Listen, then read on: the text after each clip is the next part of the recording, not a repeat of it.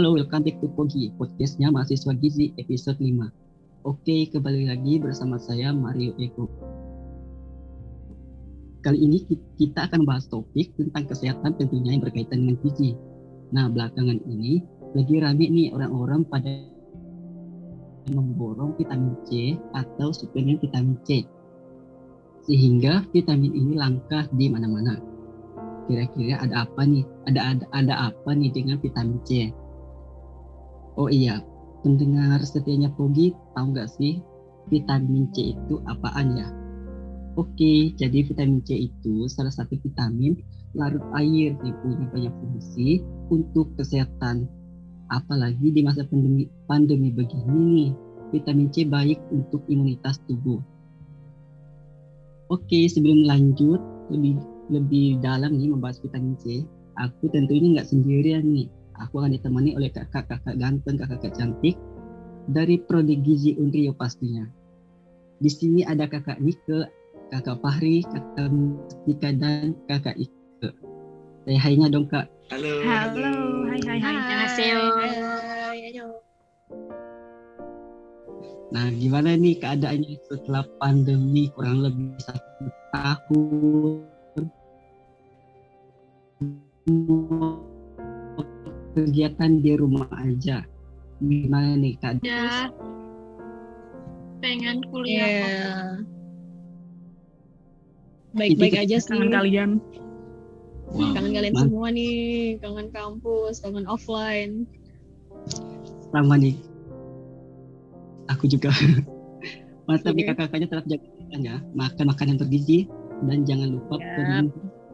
vitamin C agar imunitasnya tetap kuat nih. Nah, ngomong-ngomong nih ya masalah vitamin C, ada salah satu jenis vitamin nih yang lagi viral nih lagi naik daun. itu vitamin C lagi sold out di mana-mana sehingga mengakibatkan kelangkaan. Karena katanya nih ya, vitamin C ini manjur nih untuk menangkal virus koronce alias virus corona katanya nih semakin banyak mengonsumsi vitamin C maka semakin baik untuk imunitas tubuh. Nah mungkin ini ya salah satu berita ini nih membuat salah satu produk vitamin C ini habis nih di mana-mana. Salah satunya nih UC 1000. Wow. Mungkin karena salah satu vitamin ini sangat tinggi ya, mencapai 1000, pasti ini makin baik nih untuk imunitas tubuh. Nah, tapi itu sih kata-katanya mereka yang awam nih tentang gizi. Bagaimana nih kalau menurutnya kakak dari prodi gizi Undria paham nih tentang tentang gizi ini. Nah, daripada termakan ya berita hoax di sini kakak-kakak prodi gizi Undrio nih akan sharing nih ilmunya. Yang pertama nih, katanya semakin banyak mengonsumsi vitamin C, semakin baik untuk mengkonsumsi, semakin baik untuk imunitas tubuh. Salah satu yang tadi itu disebutkan uh, ada UC 1000. Gimana nih pendapatnya Kakak Fahri nih Duh. terkait berita ini? Ya bagus sih kalau dia butuh pada saat itu. Tapi kalau secara terusan ya hasilnya jadi toksik uh, di dalam tubuh karena kan asupannya berlebih karena kan batas wajarnya batas menurun AKG angka kecukupan gizi itu kan maksimal aja palingnya 100 itu yang dewasa. Ini seribu loh. Gila. Main-main apalagi udah minum yang seribu itu tambah suplemen vitamin itu aduh kasihan ginjalnya loh. Aduh. Pokoknya iya. kita hmm. harus harus tahu lah uh, proporsi proporsi asupan vitamin C. Masa iya kita uh, makan buah nih. Kita saking paniknya ya uh, pandemi ini kita makan buah kita sayur dan makan makanan bergizi terus minum ribu itu yang vitamin C-nya yang air itu plus campur suplemen dari vitamin itu bukannya anda terhindar dari covid imunnya kuat itu malah rusak tubuhnya ginjalnya itu. Kasihan aku.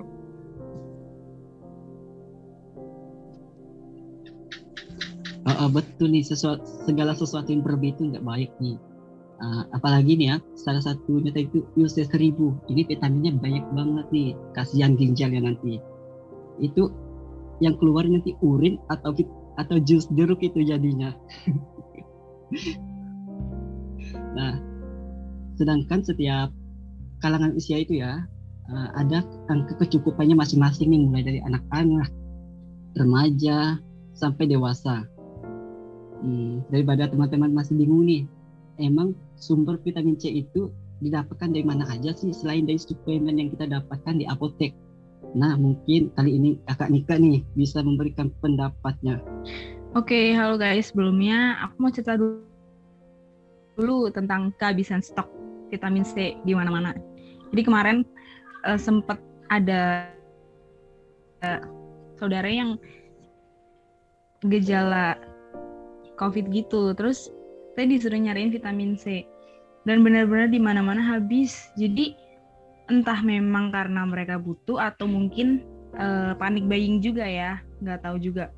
Tapi sebenarnya ya sumber vitamin C itu bukan cuma didapat dari suplemen kita bisa dapatkan pada buah-buahan sayur-sayuran contohnya seperti jambu biji jeruk apalagi itu paling bagus pepaya kiwi brokoli bayam dan lain-lain. Jadi vitamin C itu jangan cuma mengandalkan lewat suplemen, lewat asupan makan, lewat buah-buahan itu juga banyak. Terus dia alami gitu vitamin C-nya alami. Jadi akan lebih mungkin efeknya nggak akan langsung kuat imunnya, tapi lebih baik mengonsumsi yang alami-alami nggak sih daripada yang uh, suplemen-suplemen yang kayak tadi Fahri bilang. Nanti takutnya tubuh kita yang rusak kalau kita kebanyakan minum vita suplemen.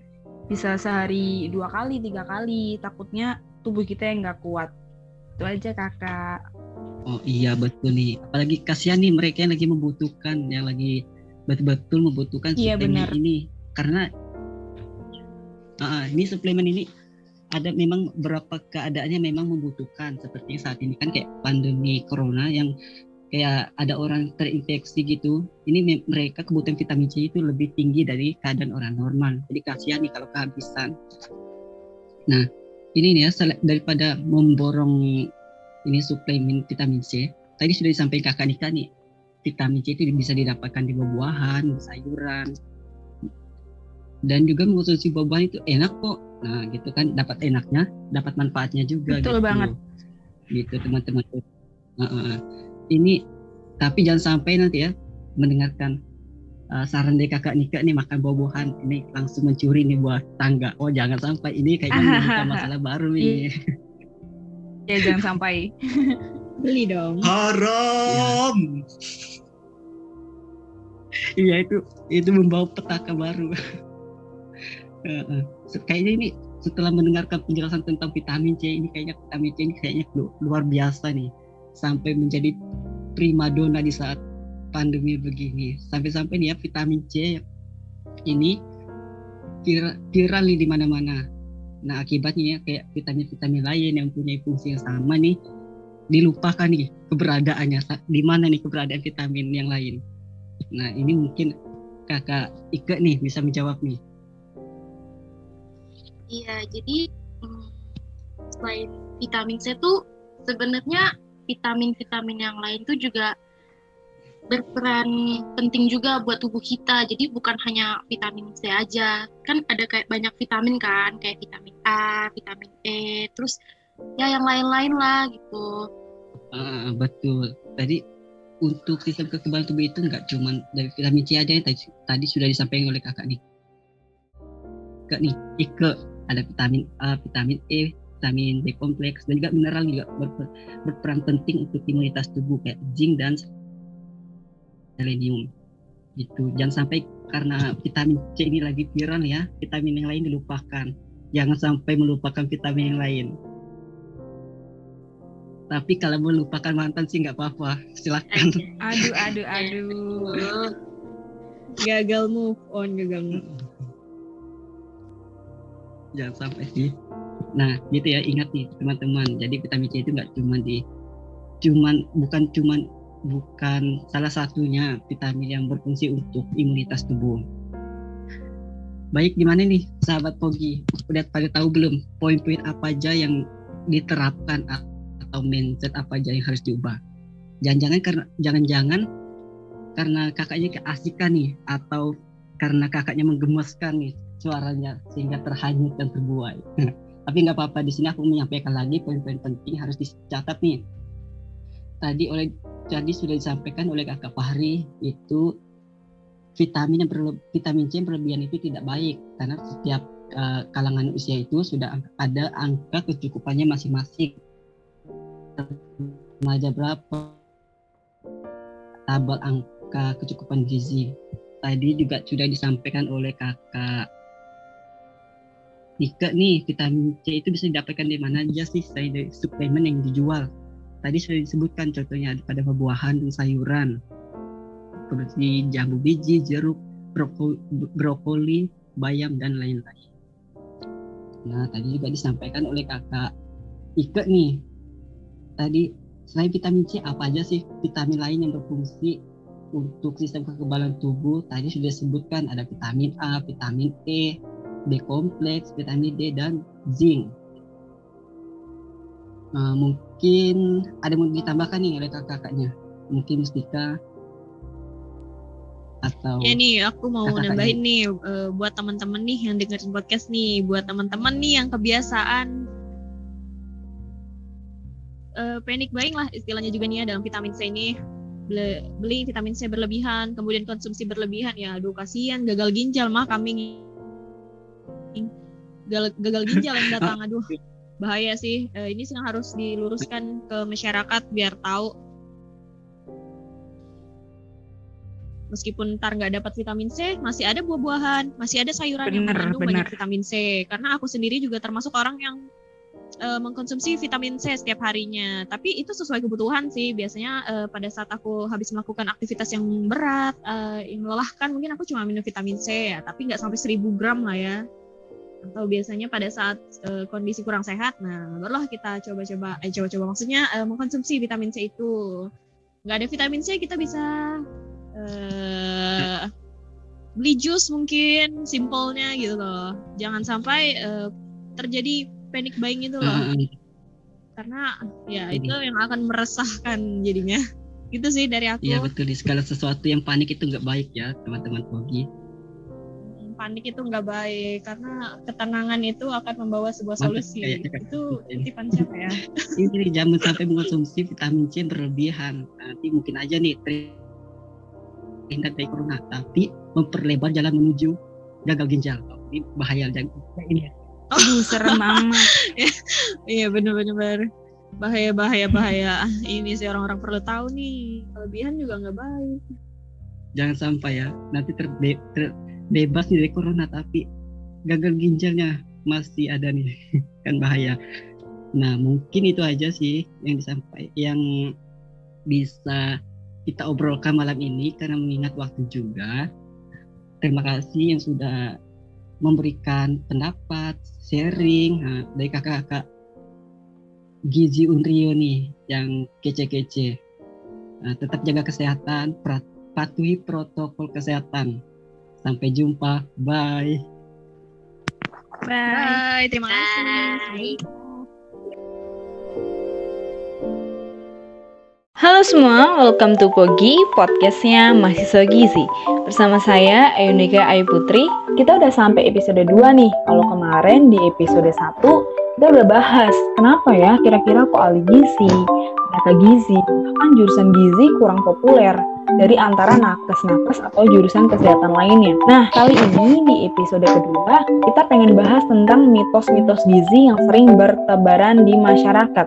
Karena di zaman modern seperti ini, kita bisa mendapatkan banyak informasi dari mana pun. Bahkan kita lagi rebahan pun, kita bisa dapat informasi. Dan yang jadi masalahnya adalah, kita sering banget dapat informasi yang bahkan gak diketahui sumbernya dan bahkan gak diketahui kebenarannya. Jadi kesempatan kali ini kita mau bahas nih tentang mitos apa aja yang udah bertebaran di masyarakat. Bahkan kalau kita berpikir sepertinya sudah termindset di pikiran kita. Dan pastinya aku nggak sendirian nih, aku ditemenin sama mahasiswa-mahasiswa gizi kece. Oke, yang pertama ada Fahri Farurosi. Say hi dong. Halo, halo. Yang kedua ada Mustika Amara. Say hi dong. Hai. Lalu ada Erike. Halo. Dan yang Hai. terakhir ada Mario Eko. Hai kakak-kakak semua. Oke guys, gimana nih kabar kalian masing-masing? Masih stay di rumah aja ya? Gitu-gitu aja lah. Produktif. Iya. Baik-baik. Apalagi kalau di Jawa sekarang lagi PPKM. Oke, tanpa berlama-lama lagi, yuk kita mau bahas nih mitos-mitos gizi apa aja yang sering bertebaran di masyarakat. Kita akan bahas tuntas. Eh, mitos yang pertama adalah katanya karbo dan lemak itu bikin gemuk. Menurut Mustika Amara, gimana nih menurut kamu dengar mitos ini? Gimana pendapatmu? Sebenarnya emang saya sendiri juga sering banget sih denger mitos ini ya, karbohidrat itu bikin gemuk katanya. Padahal mah Iya. yang perlu diketahui itu adalah porsinya, porsi ketika kita memakan karbo itu. Iya bener banget. Kadang yang bikin salah itu berpikirnya karena karbo itu makanan berat. Jadi dia yang ini nih bikin aku tambah gemuk nih karena makanan berat. Iya, Nah itu ya jadi malah, nah, kadang kalau diet kan defisit kalori malah karbonya yang malah kadang dihilangin padahal Iya nggak benar. Jadi kebenarannya adalah makanan tinggi karbo dan lemak memang sangat mudah dimakan secara berlebihan. Bener nggak? Karena enak, bener. benar benar benar benar Tapi kalau keduanya nggak dimakan secara, secara bersamaan, ya nggak akan bikin gemuk karena kita tahu porsinya. Oke, kita langsung masuk ke mitos yang kedua. Ini nih yang sering banget dihindari sama ABG-ABG milenial-milenial. Mitos yang kedua adalah makan malam bikin gemuk. Nah, ini dia. Aku mau denger dong pendapatnya dari Erike. Ya makan malam bikin gemuk ya. Kayaknya kalau makan malam tuh jam tuh gak memengaruhi berat badan kita naik apa enggak ya. Tapi ya kalau misalnya kita makannya banyak terus kayak kalorinya tinggi tuh mau makan pagi kayak makan siang kayak mungkin kalau kalorinya tinggi bisa mempengaruhi. Tapi kalau misalnya ya sesuai ikut anjuran gitu mungkin kayaknya enggak deh bisa aja sih. Iya benar. Tapi kalau misalkan yang muslim nih, kalau misalkan seharian udah puasa, kalau misalkan mindsetnya makan malam bikin gemuk, ya masa nggak boleh makan malam gitu kan? Karena ya bukannya ya di malam gitu. Dari Justru pagi tidak makan, malam nggak boleh Iya. makan. Selama Nah, satu bulan, lebaran, Iya, benar. Lebaran bukannya silaturahmi, karena itu kan justru itu yang terpatri, termindset di pikiran masyarakat kalau jangan makan malam deh nanti gemuk. Asalkan kamu seharian nggak habis ngemil eh, nastar satu toples terus kamu tetap makan malam. Ya itu bikin gemuk kecuali kalau memang kamu setiap panjang hari itu melakukan aktivitas atau memang anjuran atau kebutuhan konsumsimu ya segitu. Jadi makan malam itu ya aman-aman aja gitu kan. Kayak tadi yang Ike bilang asalkan kamu perhatiin kalorimu gitu kan. Jadi makan malam bikin gemuk itu mitos ya teman-teman. Hoax asalkan kamu tahu porsimu standar kebutuhanmu oke next ini nih yang diet fighter. Ini nih ada mitos lagi kalau diet itu nggak boleh makan apa pun, cuman makan em, buah atau cuman minum aja. Aku Mau denger dong pendapatnya dari Mario Eko. Hmm, agak sedih sih ya dengan mitos-mitos kayak gini. Sebagai mahasiswa benar. gizi saat mendengar uh, mitos-mitos ini dah kita nangis di pojokan aja. Aduh iya bener. Jadi kalau misalnya cuma makan buah, makan sayur, uh, jadinya nggak sesuai gizi seimbang dong. Gak apa-apa, kalau nanti kita bisa makan nasi, bisa makan daging, makan sayur-sayuran dan juga buah-buahan. Nah, asal ingat porsi aja ya. Iya sip, nih teman-teman? bener. Nah, Setuju, asal ingat setuju, porsinya setuju. aja, jangan terlalu kalap. Ah, porsinya bisa segunung. Ini nih yang Iya. buat yang buat gagal dietnya.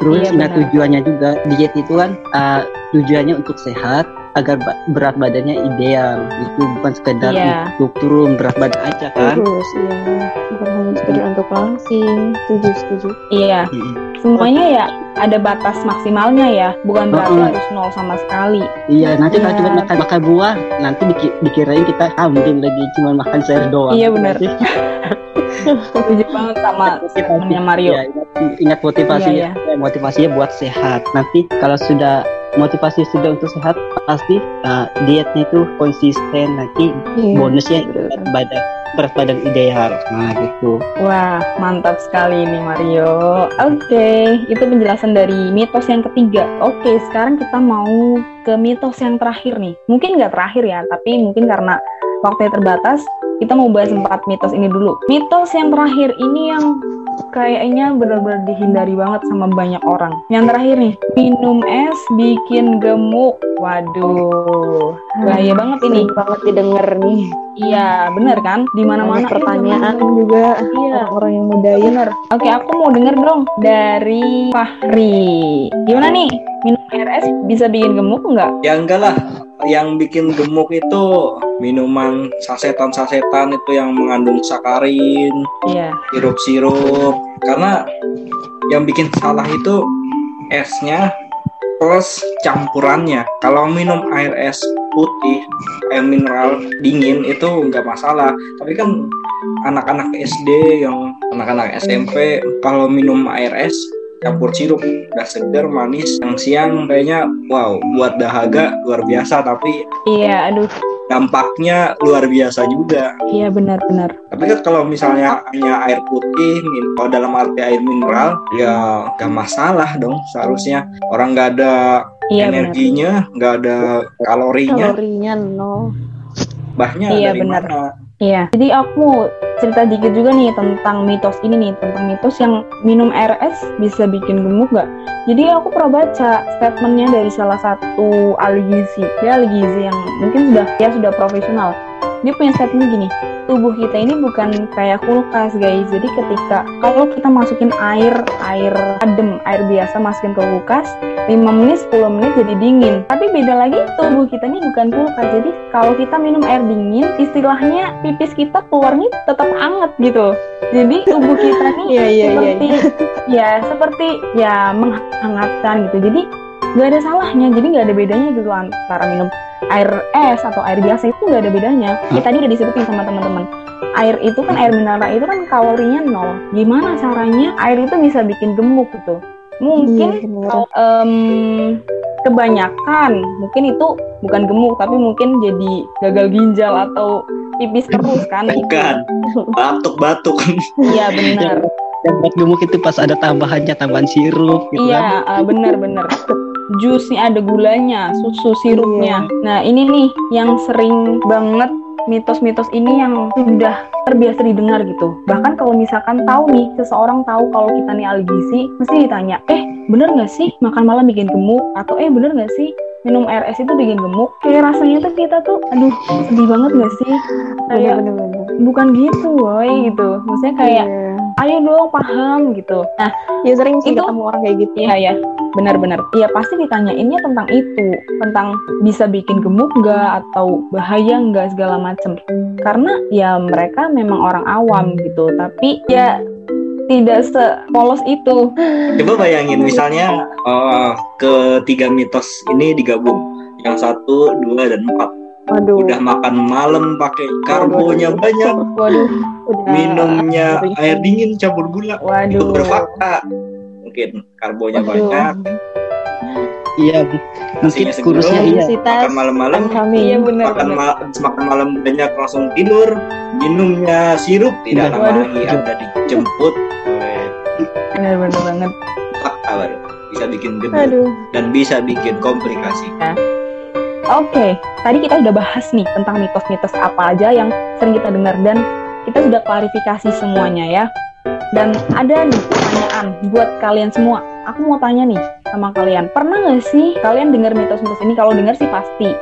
Atau justru kalian yang ngikutin atau percaya sama mitos ini? Sharing dong, teman-teman. Oh, aku mungkin ya yang paling sering yang paling benar-benar di telinga tuh aku kan makannya selalu dikit uh, maksudnya porsinya tuh nggak bisa banyak kayak kulit gitu kalau makan malam oh, tuh iya. misalnya ayo nambah makan malam gue bakal gendut ngapain diet diet uh, aku makan dikit bukan karena takut gendut tapi emang nggak bisa makan banyak karena mindset orang-orang awam ya. Karena makan malam itu kayak takut banget. Aku, aku makan dikit bisa kepala diet. Padahal aku bukan karena takut makan malam tapi iya. resiko minimalis. Kita juga nah ini nih yang um, kita juga justru bukan cuma orang orang awam aja yang sering kesandung atau um, kemakan mitos-mitos ini. Justru kita sendiri mahasiswa gizi atau calon ahli gizi itu juga sering uh, kena juga mitos ini. Tadi kayak ARS bikin gemuk atau makan malam bikin gemuk gitu. Atau ada yang bilang gini jangan minum es nanti lemaknya mengeras atau menggumpal gitu. Nah itu tuh yang kadang iya kadang tuh kayak ah tahu dari mana sih gitu tuh. Iya makanya. Kan kadang ada orang yang dari mana? habis makan yang berlemak nih atau berminyak nih jangan minum es atau minumnya air panas aja biar lemaknya hancur. Nah itu yang kayak lucu lucu lucu. Ini gue tau banget kayak gitu udah nggak ada orang gendut. Iya. oh ini gue tau banget sih kenapa kayak ada orang-orang yang bikin mitos kayak gini. Kalau semua mitos tuh pasti ada kenapanya mungkin biar nggak batuk terus biar malam tuh fokus untuk tidur biar nanti ya karena kan nggak ada aktivitas jadi makan kan makan itu untuk beraktivitas. Kalau makan malam nanti takutnya gendut yang masalah diet nggak makan apa-apa. Yeah. mungkin kalau semakin banyak makan ya gendut semakin cepat gendut. Iya. yeah, benar. Terus sih mungkin yeah, uh, yeah. orang awam yang nggak perlu edukasi. Iya yeah, iya. Yeah. hmm, Erika Mario pernah nggak mengalami kemakan mitos-mitos ini? Boleh dong cerita juga. Saya dengar gini nah kalau diet pengertian itu sama dengan nggak boleh makan nasi. Kan lucu gitu ya. Iya. Padahal itu pengatur pola makan gitu.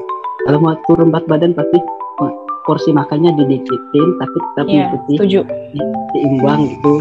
Setuju Oke, okay, yang terakhir nih pesan-pesan buat teman-teman yang dengar tentang mitos-mitos tentang hoax yang sering kita dapatkan. Ada nggak pesan perwakilan aja deh salah satu buat pesan yang dengerin podcast ini buat jangan lagi percaya sama hoax hoax ini? Ada nggak? Mungkin eh hey, buat anda yang denger yang masih juga percaya sama mitos konspirasi omongan mama tolong periksa jurnal-jurnal ilmiah buka Google yang real fakta-fakta jangan sampai anda termakan hoax termakan mitos dan konspirasi bahaya konspirasi. pokoknya jangan kita yeah. sama-sama belajar kita sama-sama beredukasi karena pendengar ini pasti sama-sama mahasiswa sama-sama dosen kita berusaha untuk mengedukasi masyarakat awam oke okay, thank you Ari buat pesan pesannya nih, kalau boleh aku tarik kesimpulan dari pembahasan kita malam ini, menurutku adalah langkah pertamanya, kamu harus kenali dulu nih dirimu, kamu harus tahu porsimu sampai mana. Benar nggak teman-teman? Ketika kamu udah tahu porsimu,